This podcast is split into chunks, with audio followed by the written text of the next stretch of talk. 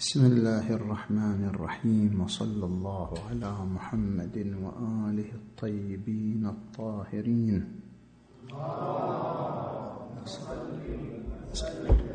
على محمد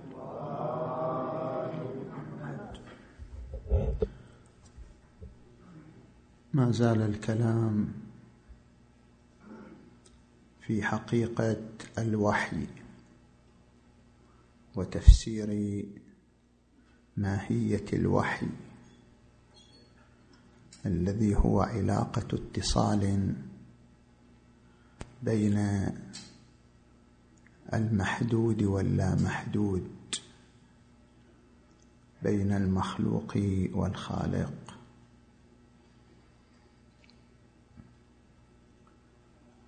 وذكرنا في الليلة السابقة التفسير النفسي لحقيقة الوحي وما هي الملاحظات عليه. ونتعرض هذه الليلة إلى التفسير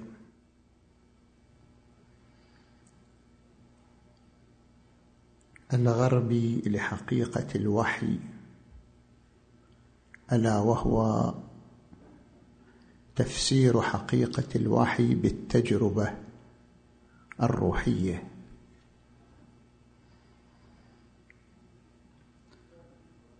وكلامنا في هذا المضمون في عدة محاور. تحليل معنى التجربة الروحية أو الدينية. وما هي المبررات التي بنى عليها بعض فلاسفة الغرب لتفسير الوحي بالتجربة الروحية؟ وما هي النتائج المترتبة على تفسير الوحي بالتجربة الروحية؟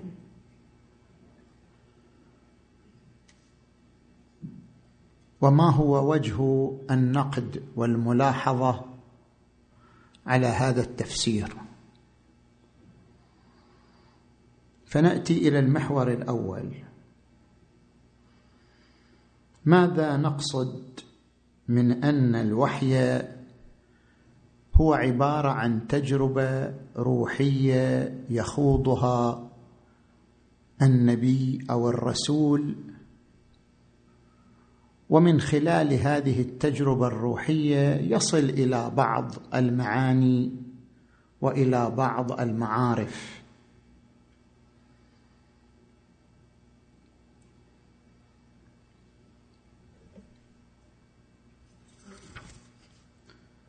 عندما نراجع كتاب الإلهيات الليبرالية ويليام هوردن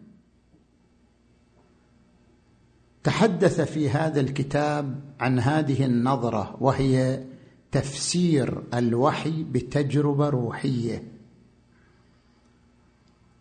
وتبنى بعض المفكرين الإسلاميين هذه النظرية نظير محمد إقبال اللاهوري في كتابه إحياء الفكر الديني.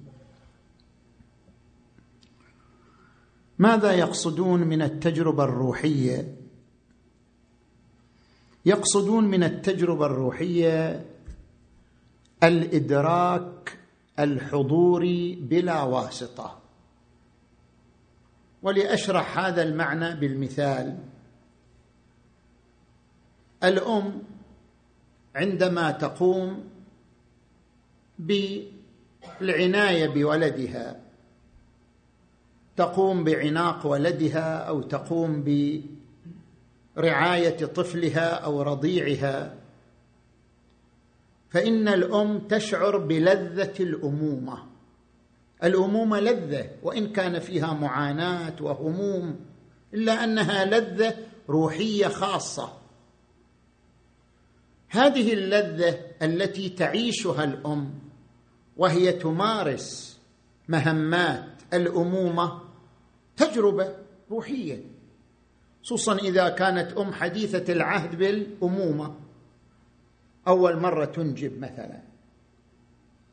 لذة الأمومة شعور باطني حاضر بنفسه تشعر به الأم وتخوض معانيه ومراحله. وصوره وألوانه. لذة الأمومة وروح الأمومة هي تجربة روحية. مثل هذه التجربة يراد نقلها للأنبياء.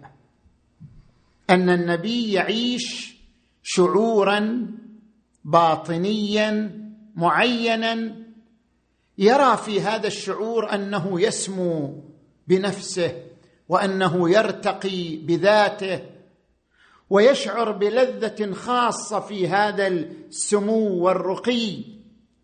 ومن خلال هذا الشعور يقتنص بعض المعاني وبعض الكمالات وبعض الحكم وبعض الكلمات ثم يبلغها إلى الآخرين. التجربة الروحية تتقوم بثلاثة عناصر.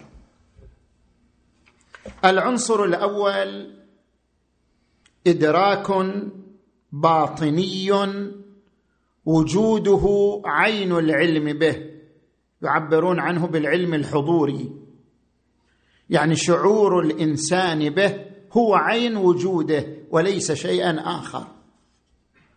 العنصر الثاني الاستقلال عن الحس والعقل يعني شعور بلا واسطة. شعور الأموم شعور الأم بالأمومة شعور بلا واسطة. يعني لا تحتاج الأم إلى أن تدرس كورس عن الأمومة حتى تشعر بذلك. يعني لا تحتاج إلى توسيط مفاهيم ولا تحتاج إلى توسيط استدلالات عقلية حتى تصل إلى هذا الشعور.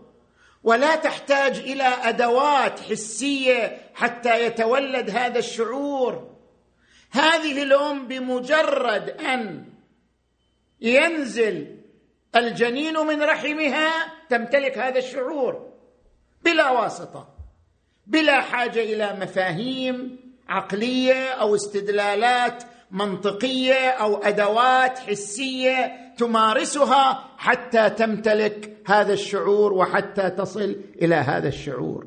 النبوة والوحي شعور بارتقاء وسمو النفس بلا واسطة. لا واسطة استدلالات عقلية ولا مفاهيم منطقية ولا أدوات حسية. العنصر الثالث عدم القابلية للنقل. يعني تقدر الأم تنقل شعورها إلى امرأة أخرى؟ ما تقدر. يعني شعور لا يقبل الناقل ممكن أن تعبر عنه بس ما تقدر تنقله. ممكن للأم أن تعبر عن شعورها ولذة الأمومة في داخلها لكن لا يمكنها نقل هذا الشعور إلى غيرها. كذلك النبي لا يمكنه أن ينقل هذه التجربة الروحية التي يعيشها إلى غيره وإنما يعبر عنها ويقول أنا عندي كذا عندي معلومات كذا عندي معاني ومضامين تقول كذا. يفصح عما يشعر به لا أنه يقوم بنقله. زين. هذا المحور الأول. نجي إلى المحور الثاني. ما هي المبررات؟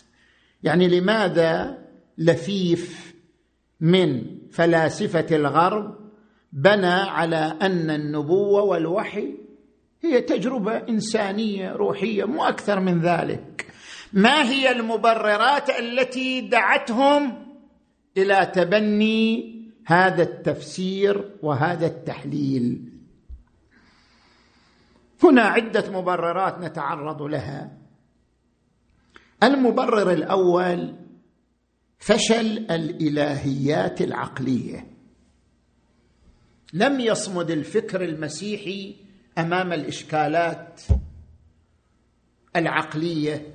لم يصمد الفكر المسيحي أمام الإشكالات الموجهة نحو الدين وجدوى الدين وأصل الدين. بعباره أخرى علم الكلام المسيحي لم يصمد أمام الإشكالات وأمام الاعتراضات أمام فلسفة هيوم أمام فلسفة كانت. لم يصمد الفكر المسيحي أمام ذلك فانهار يعني انهارت الإلهيات المفاهيم الإلهية من هذا الفكر.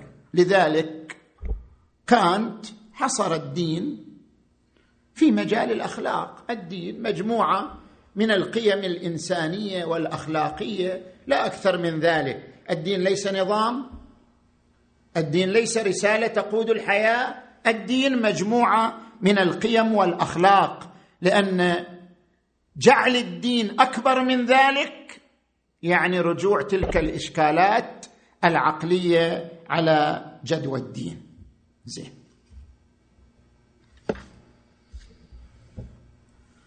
جاء دور المستشرق الألماني رودلف أوتو الذي ذهب إلى أنه الدين ليس مجرد قيم أخلاقية بل هو نزعة عرفانية. والمقصود بالنزعة العرفانية ذكر في كتابه مفهوم الأمر المقدس إن جوهر الدين يكمن في الشعور. من هنا جاءت مسألة شنو؟ التجربة الروحية التعبير عن النبوة بالتجربة الروحية. إن جوهر الدين يكمن في الشعور والإحساس والناحية غير العقلية. ما هي مسألة عقلية؟ هي مسألة شعورية والناحية غير العقلية. المبرر الثاني تقدم العلوم التجريبيه كل علم يثبت نفسه من خلال التجارب. الدين ما أثبت نفسه من خلال التجارب. اذا بالنتيجة تقدم العلوم التجريبية تقدم الإنسان تكنولوجيا جعل له أسئلة وإشكالات حائرة أمام الفكر الديني وبالذات الفكر المسيحي مما جعل الإنسان يقوده مما جعل ذلك يقوده إلى أن يفسر الدين نفسه بالتجربة. حصول العلوم التجريبية على درجة عالية من الاعتبار بحيث أخذ العلماء يقيسون كل العلوم على العلوم التجريبية. وأدى ذلك إلى ظهور الفلسفة الوضعية التي قضت على ما يسمى بالمفاهيم الميتافيزيقية. ما في شيء مفاهيم غيبية ما في. كل شيء لا بد أن يخضع للحس والتجربة وإلا فلا قيمة له. المبرر الثالث الذي حدا بتفسير الوحي والنبوة بالتجربة الروحية التوفيق بين الثابت والمتغير. هم يشعرون أن الدين شيء ثابت. جاء من يوم نوح إلى يومنا هذا وثبت بينما حاجات الإنسان وحياة الإنسان وظروف الإنسان تتغير بين حالة وأخرى بين صورة وأخرى. اذا كيف نوفق بين الدين الذي نؤمن به كرصيد إنساني ثابت وبين الحاجات المتغيرة حسب تغير العصور حسب تغير الثقافات.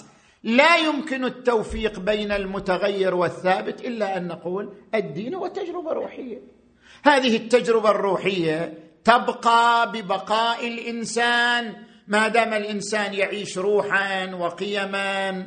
ومثلا كمالات إنسانية يبقى. وأما الحياة بمشاكلها المعقدة وظروفها المختلفة فلا يمكن أن يكون الدين قائدا لها ومديرا لها. الدين يبقى تجربة روحية حتى يبقى امرا ثابتا.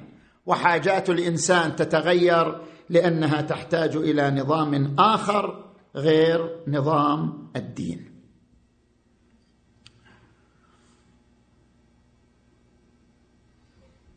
هذه هي المبررات التي أدت بتفسير الوحي بتجربة روحية وتبناها من المسلمين الشيعة سيد عبد الكريم سروش المفكر الإيراني الذي تبنى تفسير الوحي بتجربة روحية يعيشها النبي يحصل من خلالها على بعض المفاهيم يبلغها إلى الخلق.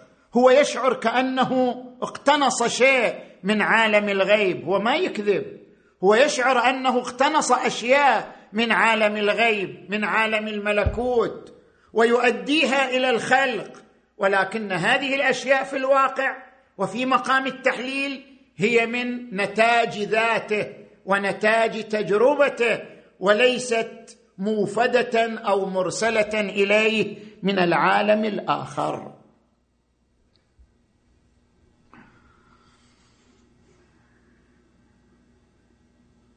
بل ذهب السيد سروش إلى إمكان بسطها وتوسيع رقعتها.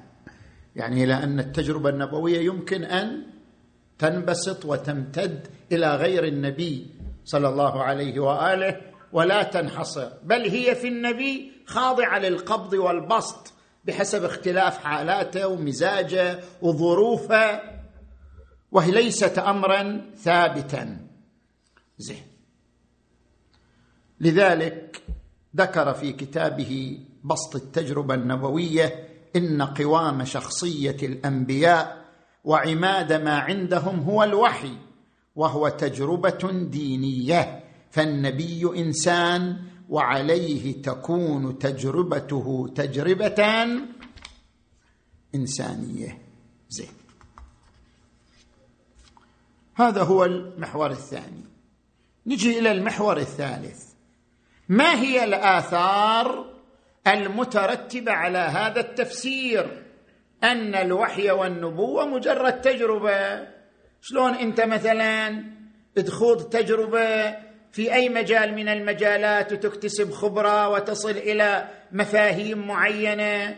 تصير إنسان مهني تصير إنسان رياضي تصير إنسان مثلا طبيب نفسي. أي تجربة يخوضها الإنسان؟ ويمتلك مفاهيم عنها. هذه كذلك التجربة النبوية أو التجربة الدينية أو تجربة الوحي ويترتب على ذلك عدة آثار. الأثر الأول عدم عصمة الوحي من الخطأ.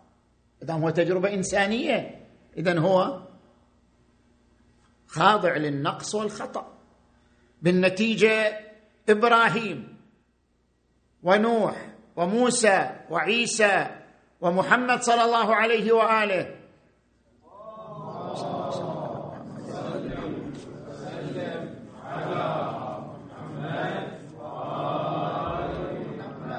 متفاوتون في قدراتهم. ليست قدراتهم واحدة.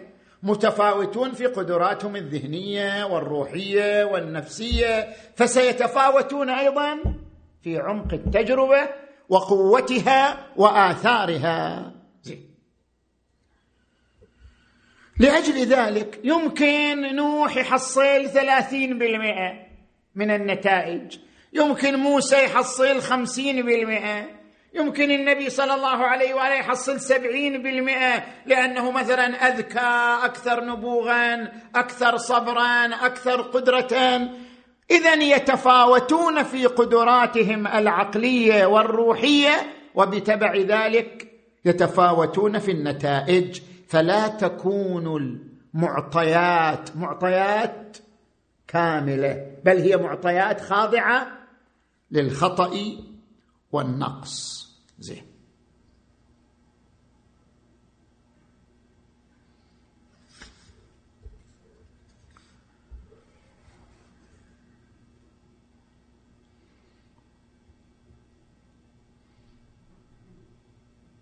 لذلك ذكر السيد عبد الكريم سروش في حوار له حول القرآن الكريم هذه النقطة. قال القرآن ليس معصوما. ومعنى أن القرآن ليس معصوما عدم تناغمه مع العلوم المعاصرة. واستشهد لذلك ببعض الشواهد منها أن القرآن يتحدث عن سبع سماوات والعلم المعاصر. لم يذكر أن الفضاء يشتمل على سبع سماوات وكذا من الأمثلة التي نجم عنها من القرآن ومعلومات. وصل إليها النبي عبر تجربته الروحية ربما تتطابق مع المنطق العلمي وربما لا تتطابق مع المنطق العلمي. زين. هذه النتيجة الأولى للنظرية. النتيجة الثانية أنسنة الوحي. يبقى الوحي مجرد شنو؟ رصيد إنساني حركة إنسانية مثل الشعر يعني. تماما مثل ما قالوا شاعر نتربص به ريب المنون. شاعر. كما ذكرت الجاهلية نفس هذا المنطق. يعني ذول اللي عاشوا مع النبي في فترة نبوته نفس المفاهيم كانوا يقولون. بل هو قول شاعر. شاعر نتربص به ريب المنون. يعني هذا قاعد يخوض تجربة أدبية. وهذه التجربة الأدبية لها نتاج ونتاجها ما يسمى بالقرآن الكريم. ويوم من الأيام خو ينتهي تنتهي هذه التجربة وآثارها. ولأجل ذلك تعتبر هي تجربة إنسانية بمعنى الكلمة.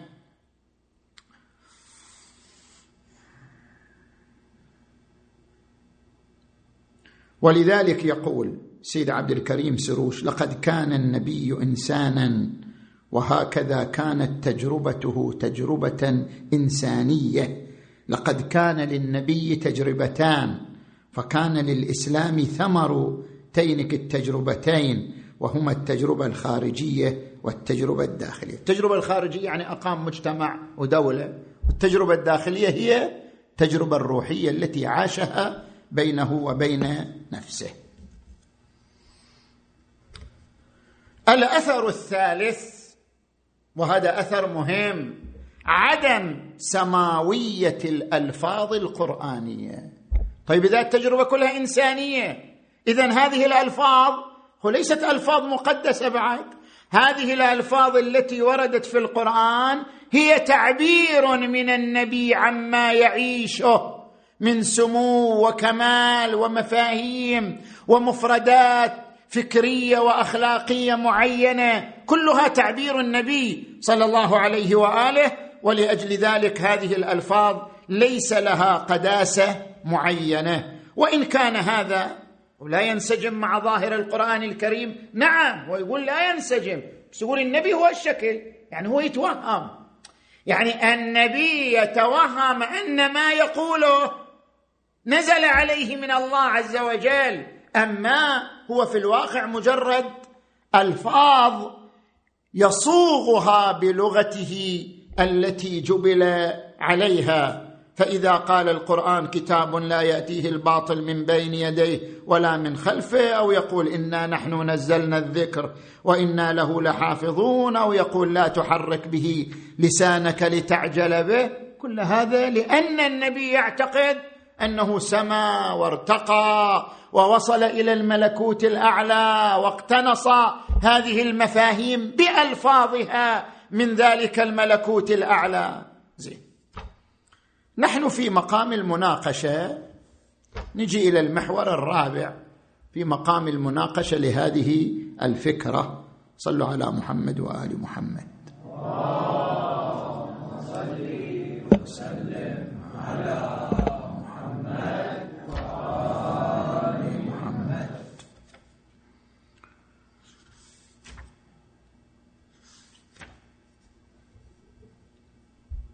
في مقام المناقشة لهذه النظرية وهي أن الوحي تجربة روحية إنسانية. نحن نريد أن نقول بضرورة يعني العقل يفرض ضرورة الوحي من السماء. لو رجعنا إلى العقل لرأينا العقل يحكم بضرورة أن يرسل الله رسالة من السماء. بضرورة أن يحصل وحي من السماء. مو تجربة بشرية. أن يحصل وحي من السماء لصفوة من البشر ألا وهم الأنبياء والرسل. ما هو وجه الضرورة؟ لماذا العقل يحكم بذلك؟ هنا عندنا منطق فلسفي ومنطق عرفاني ومنطق كلامي يعني بحسب اختلاف العلوم في صياغة هذه الضرورة العقلية. كل علم يصوغ هذه الضرورة العقلية بحسب مفرداته ومفاهيمه. نجي إلى المنطق الفلسفي. كيف يثبت الفلاسفة ضرورة الوحي؟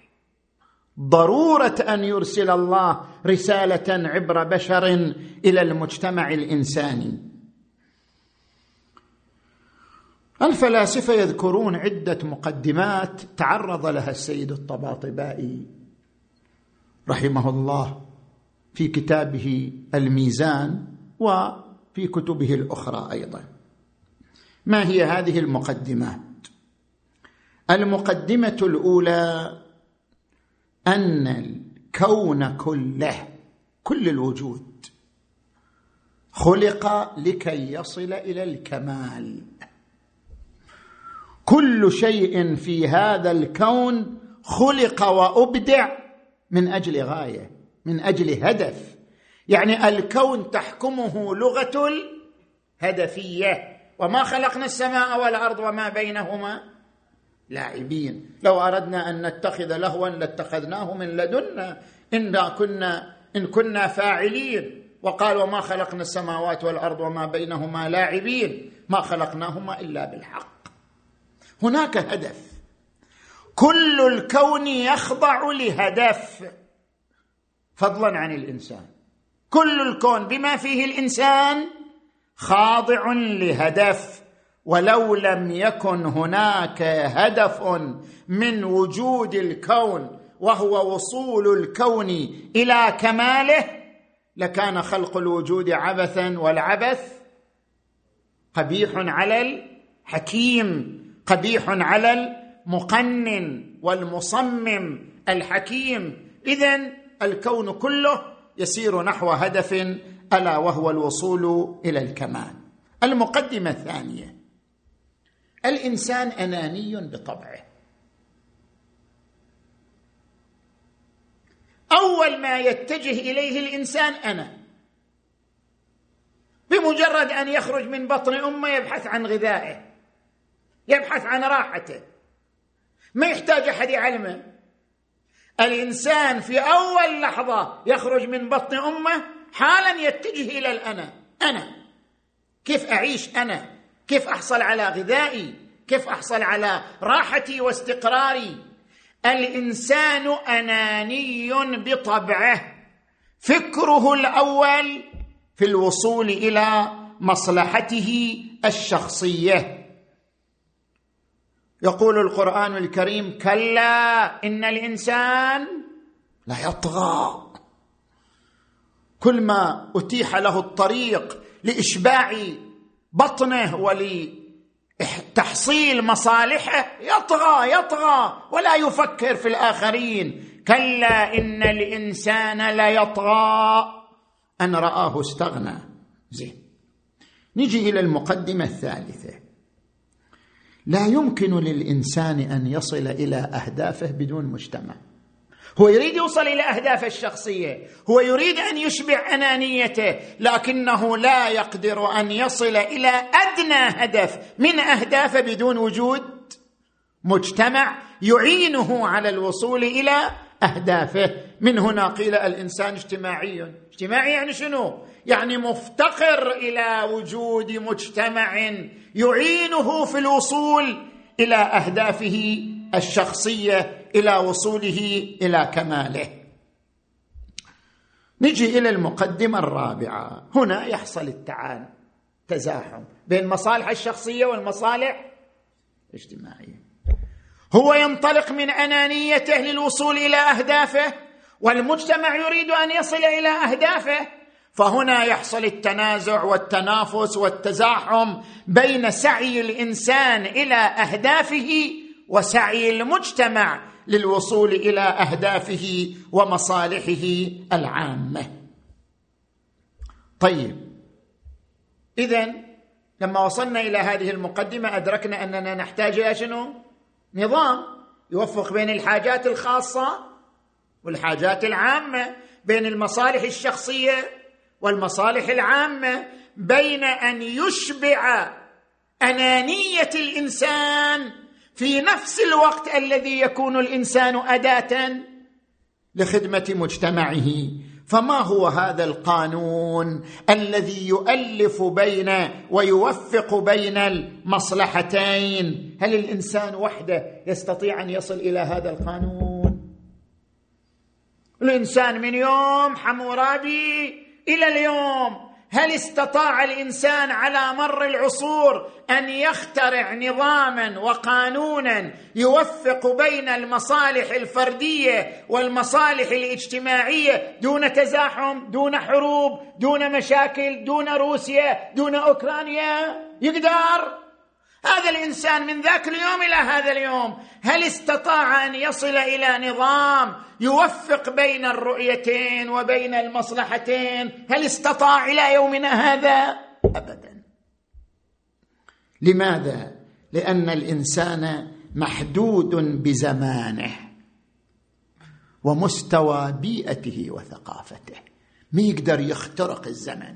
وانت ابن زمانك. يعني ثقافتك من ثقافة زمانك رؤيتك من رؤية زمانك. لا تستطيع أن تخترق تخترع نظاما يخترق الأزمنة كلها وتوصل إلى نظام ورسالة مؤبده صالحة لإنقاذ الإنسان من التزاحم بين المصالح الفردية والمصالح العامة. الإنسان محدود ابن بيئته وزمانه. لذلك لا يقدر على الوصول إلى القانون الذي يضمن التوفيق بين المصالح الفردية والمصالح الاجتماعية. بل هنا نقطة أيضا مو فقط الإنسان عاجز أن يوجد نظام يوفق بين المصلحتين بل هو عاجز أن يوجد نظاما يوفق بين العالمين عالم الدنيا عالم الآخرة. هو مو المهم فقط نظام يوفق بين المصلحتين بل لما كان الإنسان يعيش عالمين عالما قصير وعالما طويل الأمد. التوفيق بين هذين العالمين بنظام لو اتبعه لاستطاع أن ينسجم ويتناغم مع العالمين كليهما. لا يمكن للإنسان أن يصل إلى هذا النظام. اذا ما دام الإنسان محتاجا إلى النظام ولا يستطيع أن يصل إليه في حد ذاته فلا محالة. تصل النوبه إلى النتيجة. إذا لا بد من نزول نظام من مدبر الكون اللي وينزل عليه النظام. هذه النتيجة حتمية. الإنسان محتاج إلى النظام ولا يستطيع الوصول إلى اختراع النظام اذا فهو في حاجة ماسة إلى نزول النظام من مدبر الكون. وهل يعجز من دبر الكون بأسرى أن يدبر الإنسان؟ لخلق السماوات والأرض شنو؟ أكبر من خلق الإنسان شنو الإنسان؟ هذا الذي أبدع الكون. لا الشمس ينبغي لها أن تدرك القمر ولا الليل سابق النهار وكل في فلك يسبحون. صاغ الوجود صياغة محكمة متقنة. كل يسير نحو هدفه باتئاد وبدون خلل وبدون ارتباك. أفمن دبر الكون يعجز عن تدبير الإنسان؟ وإيجاد نظام يصلح الإنسان. ويوفق بين حاجاته الخاصة وحاجاته العامة وخطه القصير الدنيوي وخطه الطويل الأخروي؟ ابدا. لقد أرسلنا رسلنا بالبينات وأنزلنا معهم الكتاب والميزان ليقوم الناس بالقسط. شوفوا لاحظوا في فرق بين القسط والعدل. في بعض الآيات تقول ولا يجرمنكم شنآن قوم على ألا تعدلوا اعدلوا هو أقرب للتقوى. عدل يقابل ظلم وقسط يقابل جور. شنو الفرق بينهما؟ العدل إعطاء كل ذي حق حقه الظلم سلب ذي الحق حقه أما القسط وضع الأشياء في مواضعها. والجور حرف الأشياء عن مواضعها. ليقوم الناس بالقسط أي ليعيش الناس نظاما كاملا يضع الأشياء في مواضعها. ليقوم الناس بالقسط. اذا لا بد من الحاجة إلى الوحي ولا بد من الحاجة إلى رسالة السماء. هذا ما ذكره المنطق الفلسفي لبيان الحاجة إلى الوحي ورسالة السماء. نجي إلى المنطق العرفاني. العرفاء علماء الأخلاق. أيضا لهم صياغة صاغوا بها ضرورة الوحي وضرورة رسالة السماء. فقال علماء العرفان والأخلاق الوصول الهدف الأساس للإنسان. الوصول إلى الله. هذا هو الهدف. مسألة أنه يتزوج يجيب أولاد وحصل معاش وحصل هذه كلها كلها لمسات زائلة لمسات فانية. الهدف الباقي الهدف الأساس الباقي الوصول إلى الله تبارك وتعالى. السيد حيدر الآملي من مشاهير علماء العرفان في القرن الهجري الثامن يعبر بهذا التعبير اعلم أن النبوة هي الإخبار عن الحقائق الإلهية أي معرفة ذات الحق ومعرفة الوصول إليه. كيف توصل إليه؟ وهذا زين نجي إلى مراحل مراحل السير العرفاني. طبعا أنتم كلكم تسمعوا عن كتاب الأسفار لملا صدر الشيرازي. شنو معنى الأسفار؟ يعني السفر إلى الهند أو أمريكا؟ لا. الأسفار الأربعة. هذا مصطلح في علم الأخلاق علم العرفان يسموه الأسفار الأربعة. هو مصطلح أصلا. هو كتب عنوان كتابه بهذا المصطلح. السفر الأول السفر من الخلق إلى الحق. وذلك بإزاحة الحجب الظلمانية المهيمنة على النفس للوصول إلى الله. ولا يمكن للإنسان أن يصل إلى الحق حتى يجيب عن الأسئلة الثلاثة. من أين؟ وفي أين؟ والى اين كل إنسان بفطرته يطرح الأسئلة الثلاثة على نفسه. من أين جئت؟ وفي أين أسير؟ وإلى أين سأتجه؟ هذه الأسئلة الثلاثة هي الهدف من وجود الإنسان. الهدف من وجودك أن تجيب على هذه الأسئلة الثلاثة وتسير في الطريق نحو الإجابة إليها. الهدف من وجودك الوصول إلى الله. والوصول إلى الله يعني أن تعرف من أين جئت وفي أين تمشي وإلى أين تتجه. يا أيها الإنسان إنك كادح إلى ربك كدحا فملاقيه وأن إلى ربك منتهى. هدفك الوصول إليه. مو المنتهى يعني في الآخرة. مو فملاقيه في الآخرة. لا علماء العرفان يفصلوها قل لا مو المقصود فملاقيه يعني في الآخرة. لا ملاقيه وأنت في الدنيا. الهدف من وجودك أن تكدح إليه حتى تصل إليه. وأن إلى ربك المنتهى. زين هذا السفر الأول. السفر الثاني. السفر من الحق إلى الحق بالحق. سفر في أسماء الله وصفاته. عندما تعيش حالة التأمل في أسماء الله وصفاته وأفعاله وكماله الجلالي وكماله الجمالي كل هذه رحلة التفكير في الله تبارك وتعالى هي عبارة عن السفر من الحق إلى الحق بالحق القرآن الكريم لا إله إلا هو الحي القيوم. هذا قاعد تعبر عن المرحلة الثانية من السفر. لا تأخذه سنة ولا نوم له ما في السماوات وما في الأرض. من ذا الذي يشفع عنده إلا بإذنه؟ إلى آخر آية الكرسي. ليش سموها آية الكرسي؟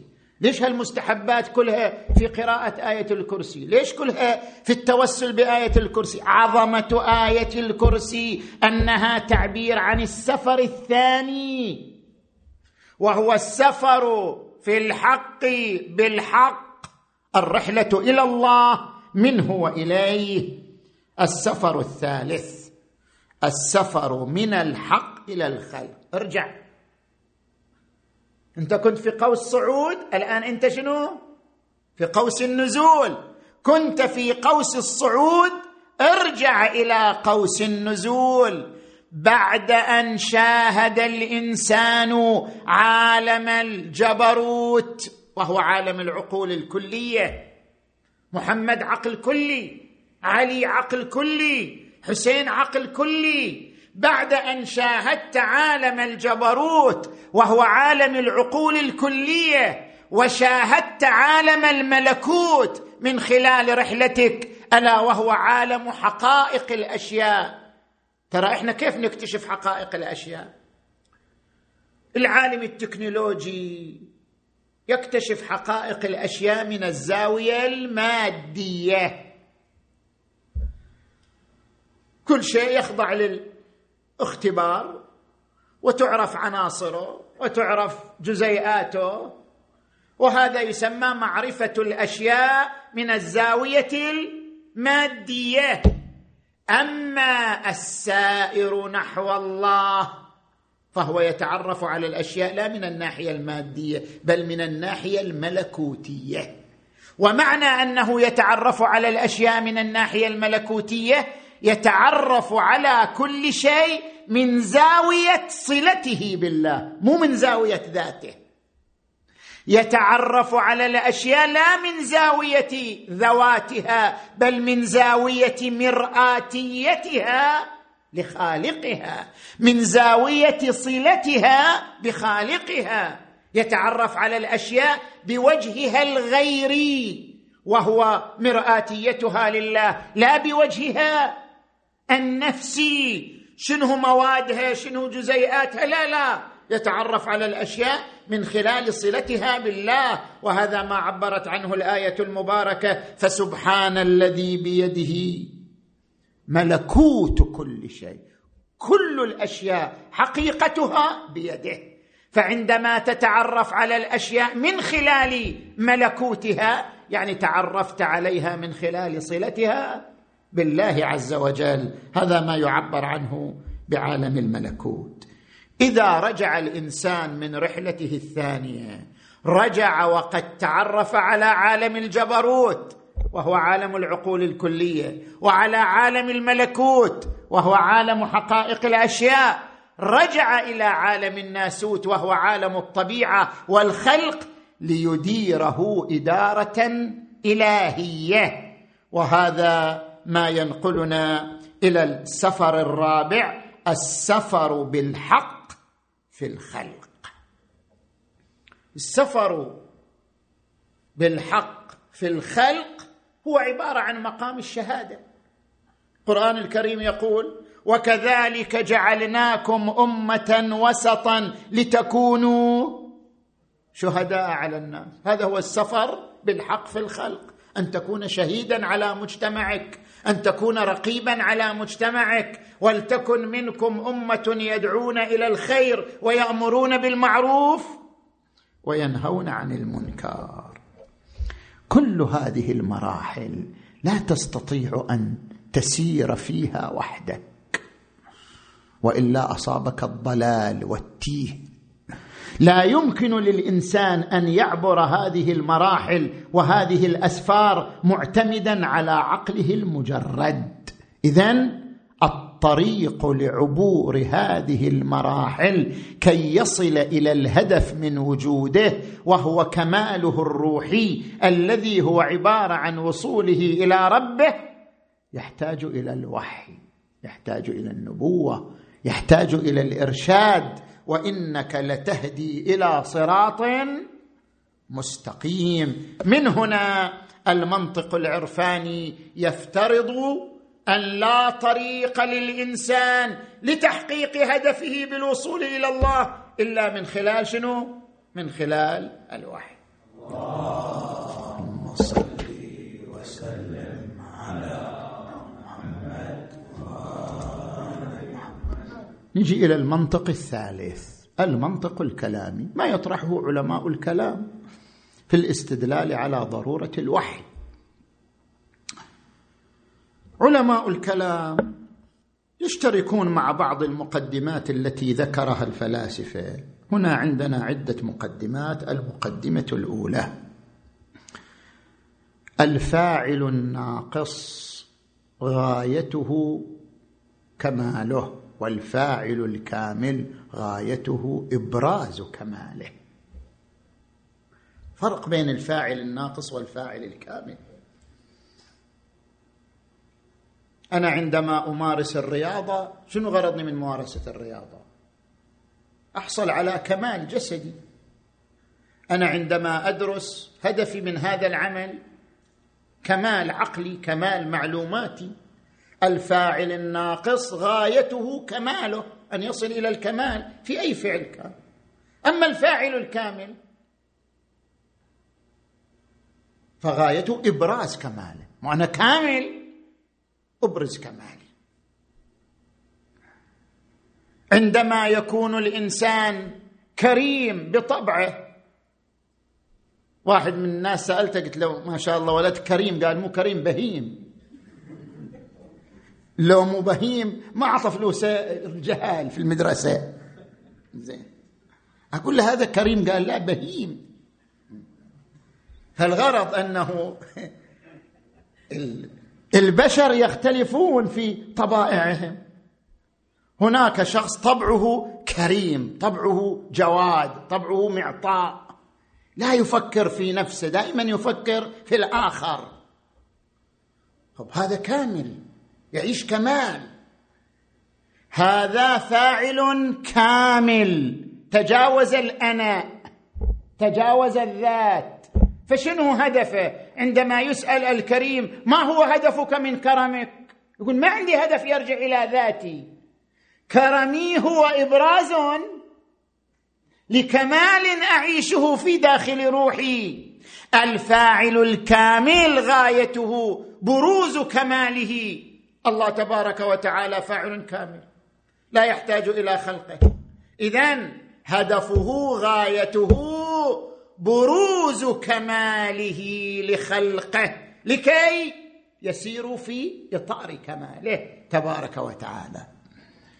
لذلك الله تبارك وتعالى خلق الإنسان لكي يصل الإنسان إلى حصة من الكمال الإلهي. لكي يصل الإنسان إلى نفحه من الجمال الإلهي. قال تبارك وتعالى وما خلقت الجن والإنس إلا ليعبدون. العبادة طريق إلى الكمال. وقال تبارك وتعالى تبارك الذي بيده الملك وهو على كل شيء قدير الذي خلق الموت والحياة ليبلوكم أيكم أحسن عملا. هذه المقدمة الأولى. الهدف من وجود الإنسان أن يتجلى له كمال الله فيكتسب نصيبا من هذا الكمال. زين. المقدمة الثانية. الإنسان كائن مختار عنده طاقة اسمها الإرادة والإرادة هي إن شاء فعل وإن لم يشأ لم يفعل. بما أن الإنسان كائن مختار ذو إرادة لا يمكنه أن يصل إلى الكمال إلا إذا كان الكمال كمالا اختياريا. لو أن الله تبارك وتعالى جعل الإنسان مثل الملك الملك مو بيده يصير كامل الملك خلق هكذا مثل الآلة تماما. ما صار انسانا كاملا. الإنسان متقوم بالإنسانية والإنسانية تعني الإرادة فلا يمكن أن يصل إلى كمال إلا إذا كان كمالا اختياريا عبر إرادته واختياره. ولقد كرمنا بني آدم وحملناهم في البر والبحر ورزقناهم من الطيبات وفضلناهم على كثير ممن خلقنا تفضيلا. كل يشير إلى اختيار الإنسان وإرادته. زين. المقدمة الثالثة. خلق للكمال. الكمال الاختياري.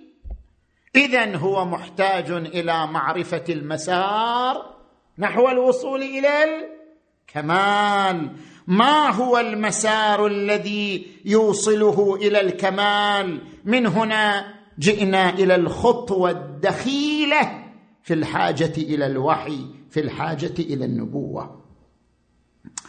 إن لدى الإنسان المقدمه الأخيرة إن لدى الإنسان أدوات معرفية حسية عقلية وجدانية تكنولوجية الإنسان له أدوات يصل من خلالها إلى المعرفة إلا أن هذه الأدوات وحدها لا تكفي لوصوله إلى الكمال والشاهد على ذلك أن الإنسان في العصر الحديث وصل إلى قمة التقدم التكنولوجي ولكنه انحدر من الناحية الخلقية والإنسانية. نظرة خاطفة على الغرب تجد طبعا ما نقول أن الغرب كله سيء لا الغرب فيه مجتمعات متدينة متخلقة. ننظر للحالة العامة. انتشار الأمراض النفسية بشكل فظيع.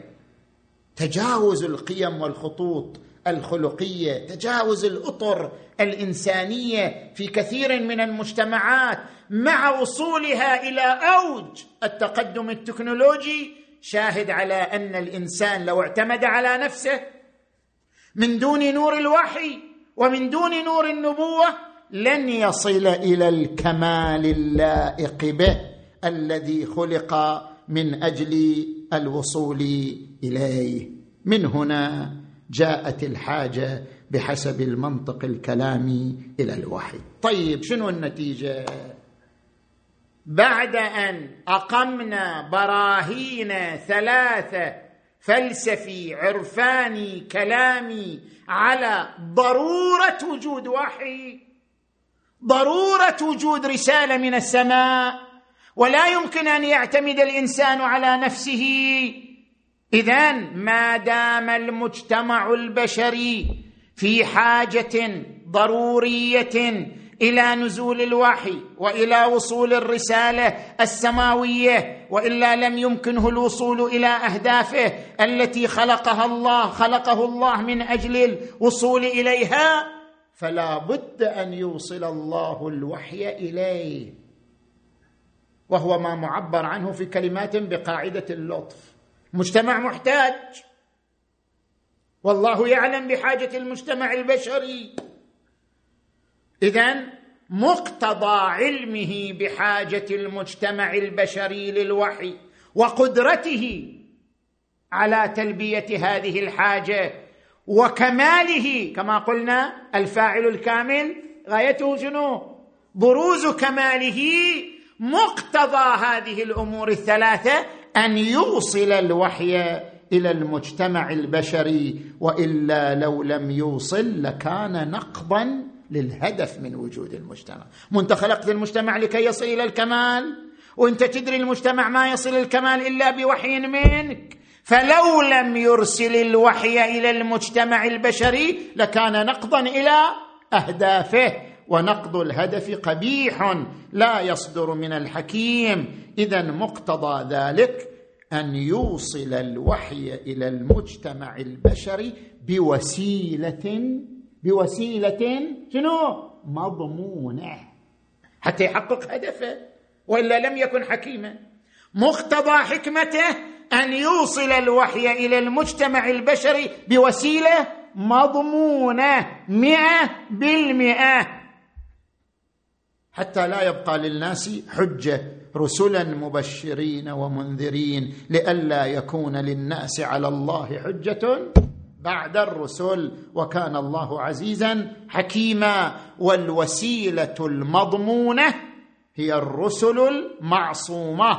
قال تبارك وتعالى ولو تقول علينا بعض الأقاويل لأخذنا منه باليمين ثم لقطعنا منه الوتين. وقال تبارك وتعالى في آية أخرى عالم الغيب. فلا يظهر على غيبه احدا إلا من ارتضى من رسول فإنه حتى تصير الوسيلة مضمونة. يصل الوحي كما هو. فإنه يسلك من بين يديه ومن خلفه رصدا ليعلم أن قد أبلغوا رسالات ربهم وأحاط بما لديهم وأحصى كل شيء عددا. فإذا كان كذلك فكيف يكون الوحي تجربة إنسانية؟ كون الوحي تجربة إنسانية يعني أن الله تبارك وتعالى لم يحقق هدفه من وجود الخلق. إذ لا يمكنه تحقيق هدفه إلا من خلال إرسال رسالة عبر وسيلة مضمونة.